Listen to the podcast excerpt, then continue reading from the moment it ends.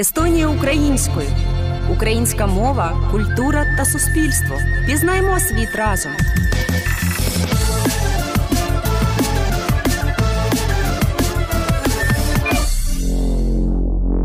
Вітаю в ефірі подкаст Естонія українською. У студії я Анна Бикова, і сьогодні мій гість Катерина Новак, поетеса, перекладач естонської літератури та поезії українською мовою, керівник літературних проєктів у Центрі української культури у Таліні. У 2019 році Катерина переїхала до Естонії з Житомира. Цього року отримала відзнаку від фонду Відкрита Естонія за зведення літературних мостів між Естонією та Україною. Темою нашого епізоду є культура як засіб адаптації українських військових біженців. Катерино, вітаю вас. Добрий день, дякую. Тема, яку ми обрали, вона не випадкова, тому що саме це є тема вашої дипломної магістерської роботи, яку ви у цьому році захистили в університеті Тарто. Розкажіть, до яких основних висновків та закономірностей ви дійшли у процесі написання, і взагалі чому обрали таку тему? Дякую за питання. Е, так, цього року, власне, місяць тому я захистила магістерську, і тема була така обрана, тому що, по-перше, це було бажання е, моїх викладачів в університеті, що е, ця тема мало досліджена. Взагалі, тема української громади в Естонії мало досліджена з наукової точки зору, і просто мало є матеріалу на цю тему написано. І оскільки я вже е, була студентом, то логічно, щоб українка написала про українську громаду, до якої вона також належить. Але я не хотіла, щоб ця тема була суто е, так, з таким історичним нахилом, тому що е, ну, треба внести якусь новизну кожен раз, коли ти пишеш наукову роботу. І, власне, оскільки ми вже опинилися. В умовах е, війни, то е, потрібно було писати на актуальну тему. І тому е, такий консенсус був, що перша частина роботи, тобто перший розділ, буде про українську громаду, про розвиток громади, про її становлення. І друга частина буде про українських воєнних біженців. Який відсоток українських військових біженців насправді використовує культуру як засіб адаптації? Ем, Зараз поясню, ем, в чому була суть роботи. Ем, не можна сказати, що вони використовують культуру. Тобто, в мене ем, робота була написана з е, точки зору організаторів різних культурних подій. І я хотіла зафіксувати всю допомогу в галузі культури і освіти, яка була надана українським біженцям е, за цей період, тобто від початку війни до весни 23-го року. І е, це було з точки зору організаторів цих культурних заходів і різних е, ініціатив. Е, тому можна говорити лише про те, скільки заходів було організовано. Статистичних даних я не збирала, тому що, по-перше, їх мало. Статистичні дані, якщо когось із слухачів цікавить, зібрав університет Тарту і така організація як Праксіс, і це можна е, ну, загуглити, просто там будуть різні дані про те, скільки дітей ходить в школу, який відсоток зайнятості на ринку праці, ну і так далі. Вони розбиті по блоках ці статистичні дослідження. А я досліджувала те, якими були ці заходи, на що вони були скеровані, тобто яка була мета їхньої організації. і я розбила їх по різних галузях. Тобто культура, це включає музика, виставки, е, заходи організовані суто для українських біженців, заходи організовані разом з українськими біженцями. І таких є досить багато. Тобто українські біженці, які приїхали сюди там з самого початку війни, встигнувши адаптуватись, вже вступили в якісь кооперації з естонцями і робили спільно заходи для українських біженців. Ну, Це для мене такий був взрив мозку, тому що е, ну, наскільки треба швидко адаптовуватись і приживатись у нових умовах, щоб ну, от, зробити потім якийсь проект спільний або захід, ну і так далі. Е, заходи, які організовувала українська громада. Ну, зокрема, я спілкувалася багато із ем, організацією е, українських жінок в Естонії. Е, спілки українських жінок, мабуть. Так, Спілка mm-hmm. українських жінок, е, Конгрес українців в Естонії і Центр української культури. Тобто я в рамках роботи провела 11 інтерв'ю із естонцями і з українцями місцевими. І тому, якби як зреагувала держава на е, потік українських біженців і прибуття українських біженців, як зреагувала місцева українська громада, як зреагували прості естонці, і як зреагували вже потім українські біженці на українських біженців нових в Естонії. Тобто це були основні такі напрямки дослідження. А ну, наскільки часто використовується, можна сказати лише по кількості подій. Розкажіть про кількість подій і, можливо, про е, наймасштабніші з них. Угу. Ну, наймасштабніші, наприклад, якщо ми говоримо про освіту, то це безумовно е, відкриття окремих українських класів при школах для українських біженців, для дітей, і е, створення двох е, шкіл в Таліні. Це школа при гімназії Ліллекюла Рагу і школа свободи Ваба Досаколь. Тобто це було найбільше досягнення, що з вересня 22-го року вже ці школи запрацювали. Рагу запрацювала з квітня 22-го. От, І е, там чудова е, керівниця цього проекту, бо вона не називає себе директором Наталія Міліцина, яка її мото це те, що я хочу, щоб цю школу закрили, бо це означає, що війна закінчилася і діти поїдуть додому. Тобто я, як е, ну, керівник школи, хочу, щоб її закрили. Ну, Такий да, парадокс, але потім вона пояснює, от, власне, що це означає. Це в галузі освіти. До галузі освіти також відноситься те, що е, держава виділила е, величезну суму на е, курси естонської мови.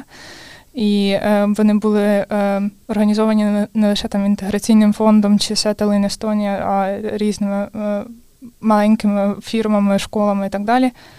От І е, в Тарту, наприклад, діє така чудова ініціатива, що е, для е, українських дітей є дуже багато гуртків позашкільних занять, е, і вони або безкоштовні, або частково безкоштовні. Тобто таке різні культурні заходи, з них найбільше це якісь концерти на підтримку е, України в Естонії. Ну, Найперше, що згадується, це величезний мітинг, який був організований 26 лютого 2022 року на площі Свободи в Естонії, і е, там е, він був організований ем, е, культурі Терістмік, це ем, Руслан і Терія Трочинський Естонським інститутом пам'яті. Це Сергій Мєтлєв був одним із організаторів. Ну і до нього долучилися до цього великого мітингу, протесту і всі українські організації абсолютно, і Конгрес українців, і Центр культури, і так далі. І, ну, тобто і е, організації з інших міст е, так само. І е, там, якби це був там зібралося близько 50 тисяч людей на площі Свободи. Тобто це був наступний день, е, по факту, ну чи через день після початку війни. От були е, концерти в е, академії ем, музики і театру Емта. Ем, були концерти в театрі Івани Муйне в Тарту. Ем, будь-що. Ну, тобто, найбільше, якби це за масштабом чи за впливом. Для мене важливо так само те, що українцям пропонували різні е, адаптаційні заходи, які включали не лише цей одноденний курс, який всі українці мали пройти, а так само і те, що е, їм, наприклад, пропонували піти е, на болота з естонцями, тобто РМК естонська така. Е, вони пропонували, е, наприклад, піти досліджувати естонську природу. От, е, І це дуже важливо не лише з тої такої психологічної точки зору, щоб піти на природу, розвіятись, а так само з тої точки зору, що для естонців природа займає дуже велике місце в житті їхньому. І от, власне, навчитися відчувати природу, що для естонців нормально ходити на болото, там, а для українців, можливо, якби ну, ну у нас не, не обладнані, можливо такою мірою болота. Там. Ну, такі маленькі деталі. От, І е, те, власне, чим я займалася і до Великої війни, і після особливо, це е, переклади і е, так назвати добуття книжок з України для українських дітей. Ми сьогодні, до речі, дуже багато будемо говорити про вашу творчість і саме про переклади, але щоб трошки завершити, підбити підсумки цього нашого першого блоку про життя української спільноти, хочу додати, що як журналіст, до речі, я досліджувала питання фінансування мовних курсів, і хочу сказати, розказати нашим слухачам, що минулого року Естонія зі свого додаткового резервного бюджету виділила гроші на те, щоб 10 тисяч. Українських біженців могли пройти навчання естонської мови на рівні А1, А2. Цього року Естонія знову ж таки ще додатково виділила резервні кошти на таку саму кількість біженців. І якщо усі біженці, які наразі є в Естонії, оволодіють естонською мовою на рівні А1, А2, то кожен третій дорослий біженець буде знати базову естонську мову. Тож не зволікайте, якщо у вас були питання, думки, звертайтеся до спеціалістів з Тотукаса, е, спілкуйтеся, задавайте питання і починайте вчити мову. На це є виділені резервні фінанси, і треба цю е, можливість використовувати. Хочу ще задати питання щодо ставлення. Ви е, ви пригадали, що одним з блоків вашої роботи було питання ставлення місцевих до українських біженців, які приїхали, і як я розумію, е, українців, які були тут до війни, до українців, які прибули під час війни. Яким виявилося це ставлення? Е, там скоріше не ставлення, а власне допомога, яка була ну так само ставлення, яке виражається в допомозі, яка була надана біженцям. Тобто е, е, ну, такі з найемоційніших прикладів це коли там звичайні естонці їздили до кордонів з Польщі, аби забрати українців своїми машинами, звичайними легковими машинами, щоб забрати українців сюди. Це ем, група на Фейсбуці, яка була створена Україна Селбрат Ейстіс, друзі України в Естонії. Е, там кілька організаторів, е, чи ну, тих, хто от, підтримує е, цю групу, і тобто реакція естонців на будь-яку потребу, яка виникає в біженців, і ну, такі якісь це такі емоційні якісь приклади. От З того, що знову ж таки ви згадали про мовні курси, і Е, ці курси організовуються по всій Естонії е, не лише перше, не лише викладачами естонської, а просто естонцями, які хочуть навчити ну, базової естонської е, українських біженців. Ось і е, вони часто відбуваються на волонтерських засадах. Е, тобто люди просто от, тобто не в кожному маленькому містечку Естонії чи в маленькому селі є можливість, щоб от там отримати ці гроші від держави, там чи це дуже маленька сума, тоді якби можливо вона не буде надана там, чи ще якісь питання. Чи просто люди ну не заморочуються з цими паперами і. Е, тобто так, шукайте можливості, вони, я думаю, я впевнена, ну тобто я знаю приклади, вони є. От. Ем, це от, е, що і вся ця так само допомога е, е, в плані ем, вони відвідування заходів, що я хотіла сказати. Тобто заходи, які організовані були і українцями, і естонцями, на них приходять представники обох народів. І ем, я думаю, що в цьому ну так само, тобто зробити щось на користь України не означає лише перекинути кошти на чийсь рахунок, чи там на, на рахунок фонду, а так само прийти підтримати, якщо щось відбувається. І от, наприклад, в мене було дуже гарне інтерв'ю з Аліною Паш з е, українського дому в Тарту.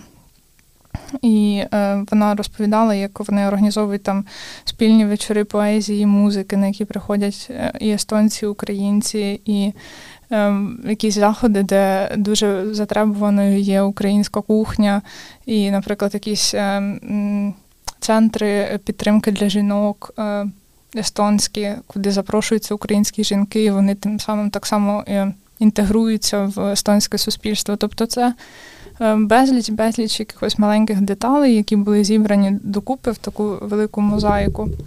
Як реагувала українська громада? Ем, тобто, перш за все, ем, варто сказати, що українська громада була посередником між естонською державою і біженцями, тому що були створені різні робочі групи, про які мені, наприклад, розповідала і Лілія Ванченко з е, е, спілки українських жінок, і Віра Коник з Конгресу українців в Естонії, що е, були створені різні робочі групи. Наради, в рамках яких відбувалися там два рази на тиждень, і інформація передавалася від держави, які наступні кроки, що ми робимо. І так само представники різних міністерств або департаментів запитували в е, громади, які є потреби нагальні в біженців, і вони вирішувалися ну, дуже швидко. Тобто це був канал комунікації. Друге, це те, що е, на плечі української громади, зокрема на плечі прекрасної Лілії Іванченко, лягла, лягло питання з поселенням. Тобто е, була величезна кількість е, пропозицій від естонців, що вони можуть взяти на поселення українців, і це означає не лише, що в них є десь вільна квартира чи хата в селі, а те, що вони візьмуть до себе додому. І оце все створення під її егідою чи керівництвом вони робили таку величезну таблицю, куди збиралися дані е, про те, куди можна поселити українців. Тобто, це найперше питання, найнагальніше, але це величезна робота, яка була зроблена. І так само е, пояснення українцям, як працює е, суспільство і держава естонська.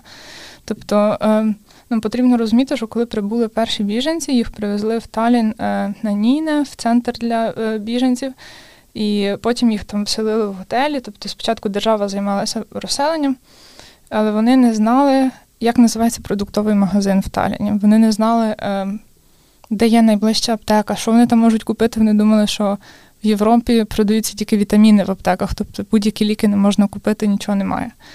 Ну, якісь такі перші питання, оцим всім Е, ну, займалася е, більшою мірою в таких е, нагальних питаннях, власне, мені здається, українська громада. Потім вже почалися там переклади з боку держави, якісь ці всі бюлетні, ну, ці мене естонські слова зараз в голові. Ну, тобто якісь оголошення, бюлетні, роз'яснення, цей сайт крізь.ee і там і це все.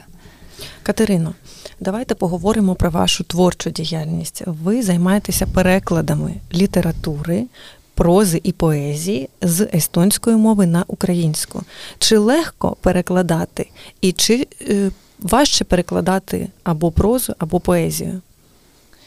Так, перекладами я займаюся вже ну, для себе досить давно.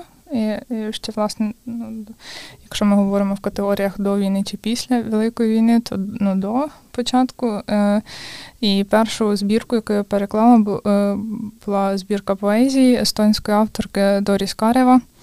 Ось, І е, вона вийшла е, двомовною. І от е, тому е, з того я завжди схиляюся до того, що я хочу більшу мірою перекладати поезію, але не, не все так виходить. І е, з початком Великої війни з'явилася потреба в перекладі власне дитячих книжок, дитячої літератури. І це велика подяка Естонії і естонським видавцям за те, що вони знаходили якісь е, додаткові кошти на те, щоб надрукувати книжки естонських авторів. Тоді, власне, з'явилася потреба в перекладах. І е, так, тому я перейшла, так би мовити, на дитячу літературу. Ось, І сказати, що важче, що легше. Е, напевно, е, така трудність е, полягає в тому, якщо ми говоримо про дитячу літературу, що ти маєш згадати дитячу мову, тобто те, як говорить дитина. Тому що ну, якби доросла людина не завжди усвідомлює, що є певні слова, які дитина не розуміє. І якщо в твоєму оточенні немає зовсім малих дітей, а моя вікова категорія, для якої я перекладаю, це діти там 5 до 12 років, тобто до підліткового віку, здебільшого, вони говорять якимось своїм таким сленгом.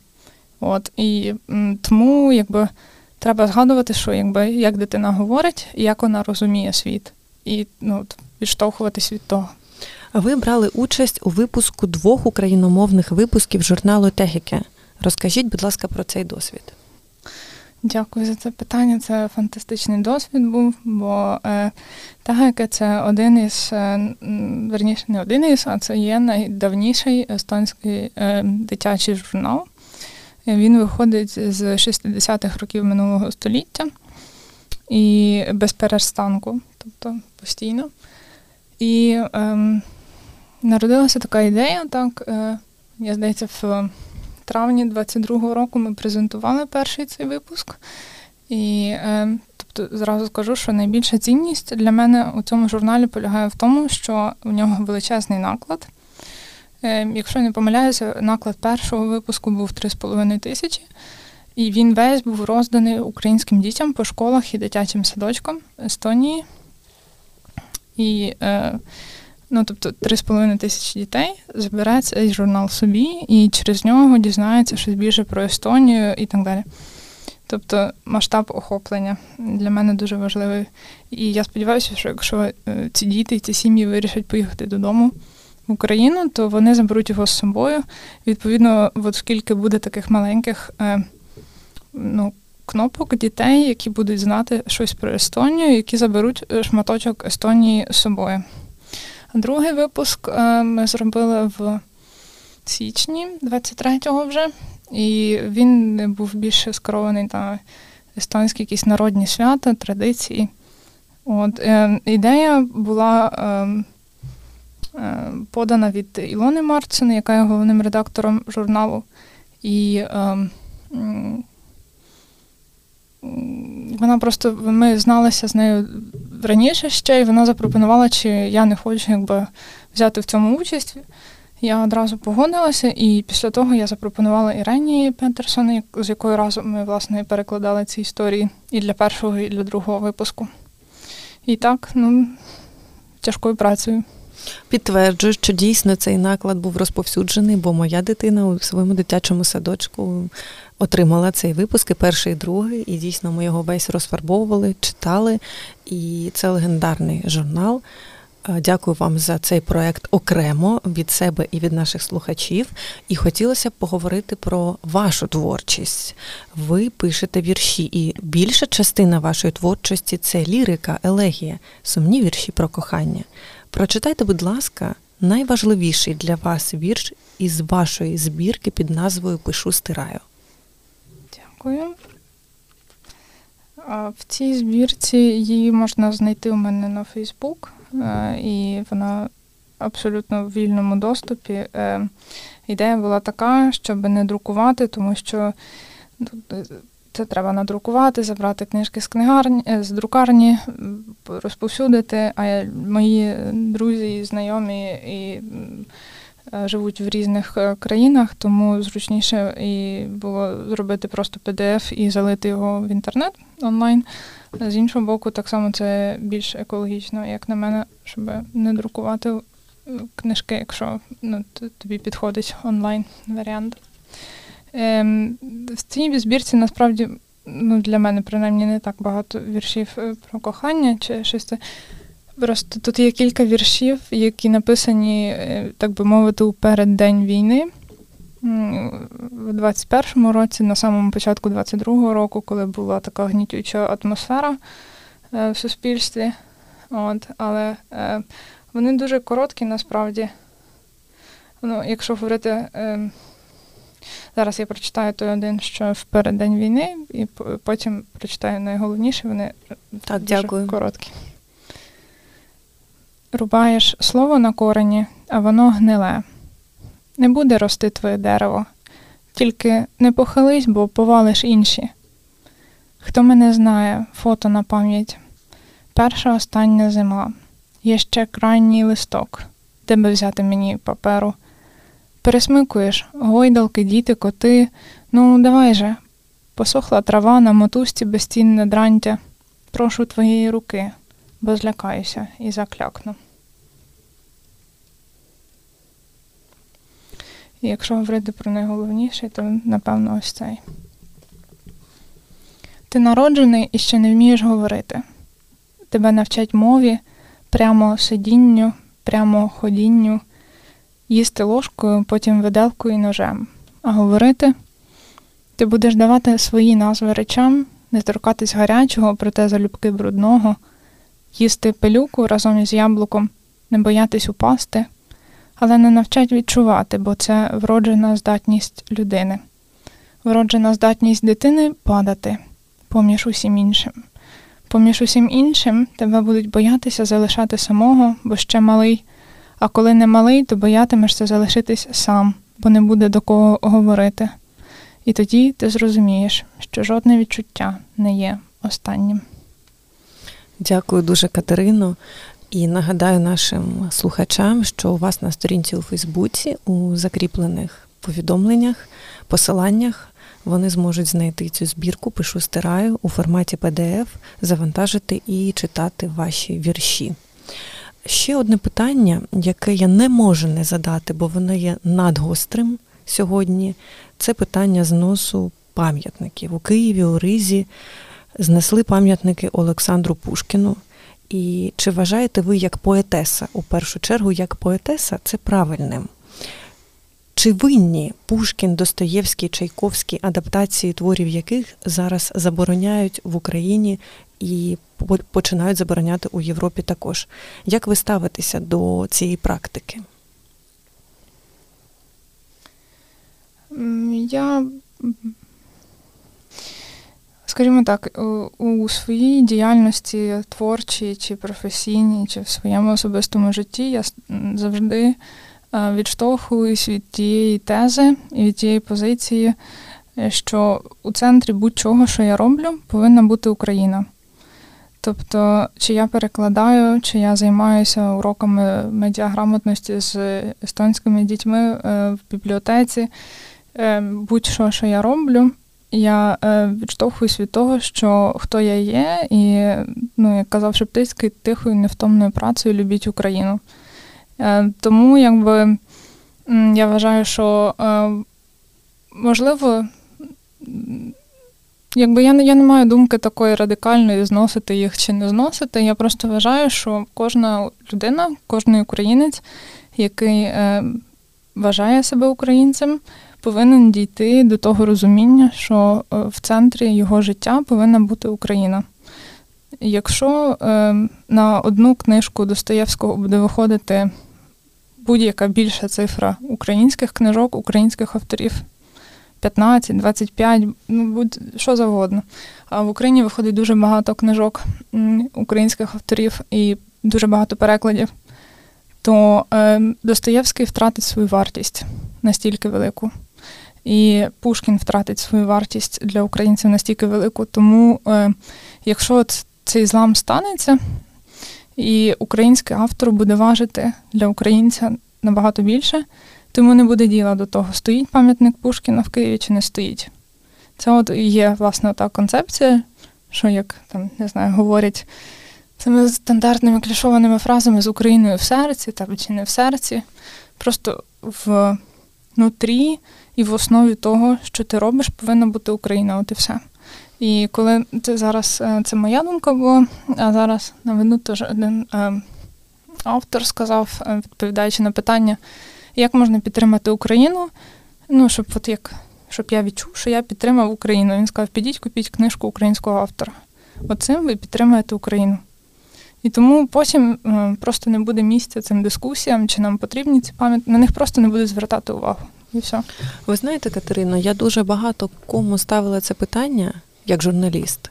І перший раз я от вам клянуся, перший раз я чую позицію зважену, цікаву, не гостру, збалансовано вірно, і мені приємно її чути. Я думаю, що ви взірець позиції з цього питання.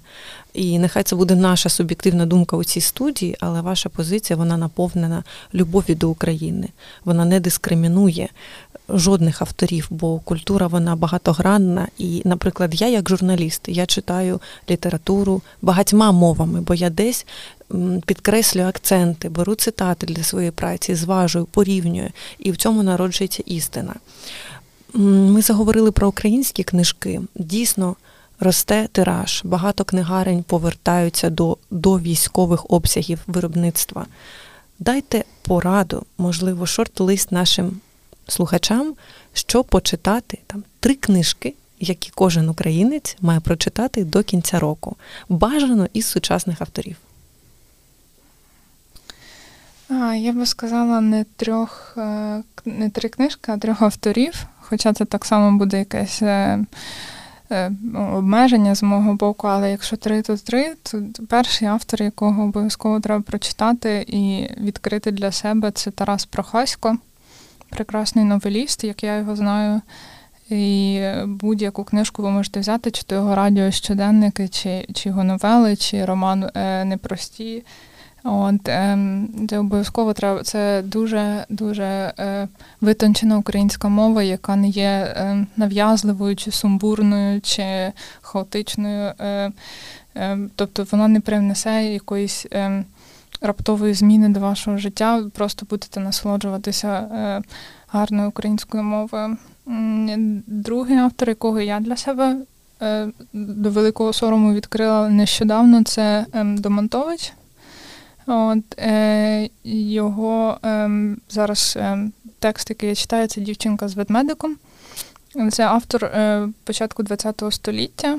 І е, для порівняння сучасної мови і тодішньої мови, яка абсолютно не є застарілою чи архаїчною, але просто вона є дещо інакшою. Це дуже смачно, як для мене.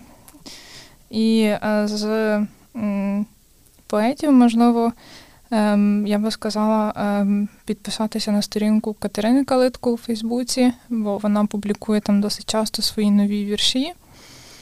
І це ем,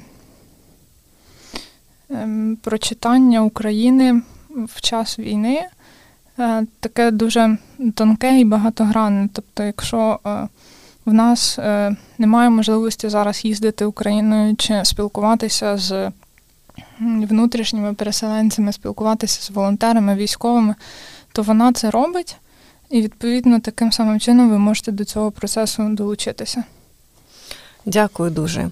У мене в гостях була Катерина Новак, поетеса, перекладач естонської літератури та поезії українською мовою, керівник літературних проєктів.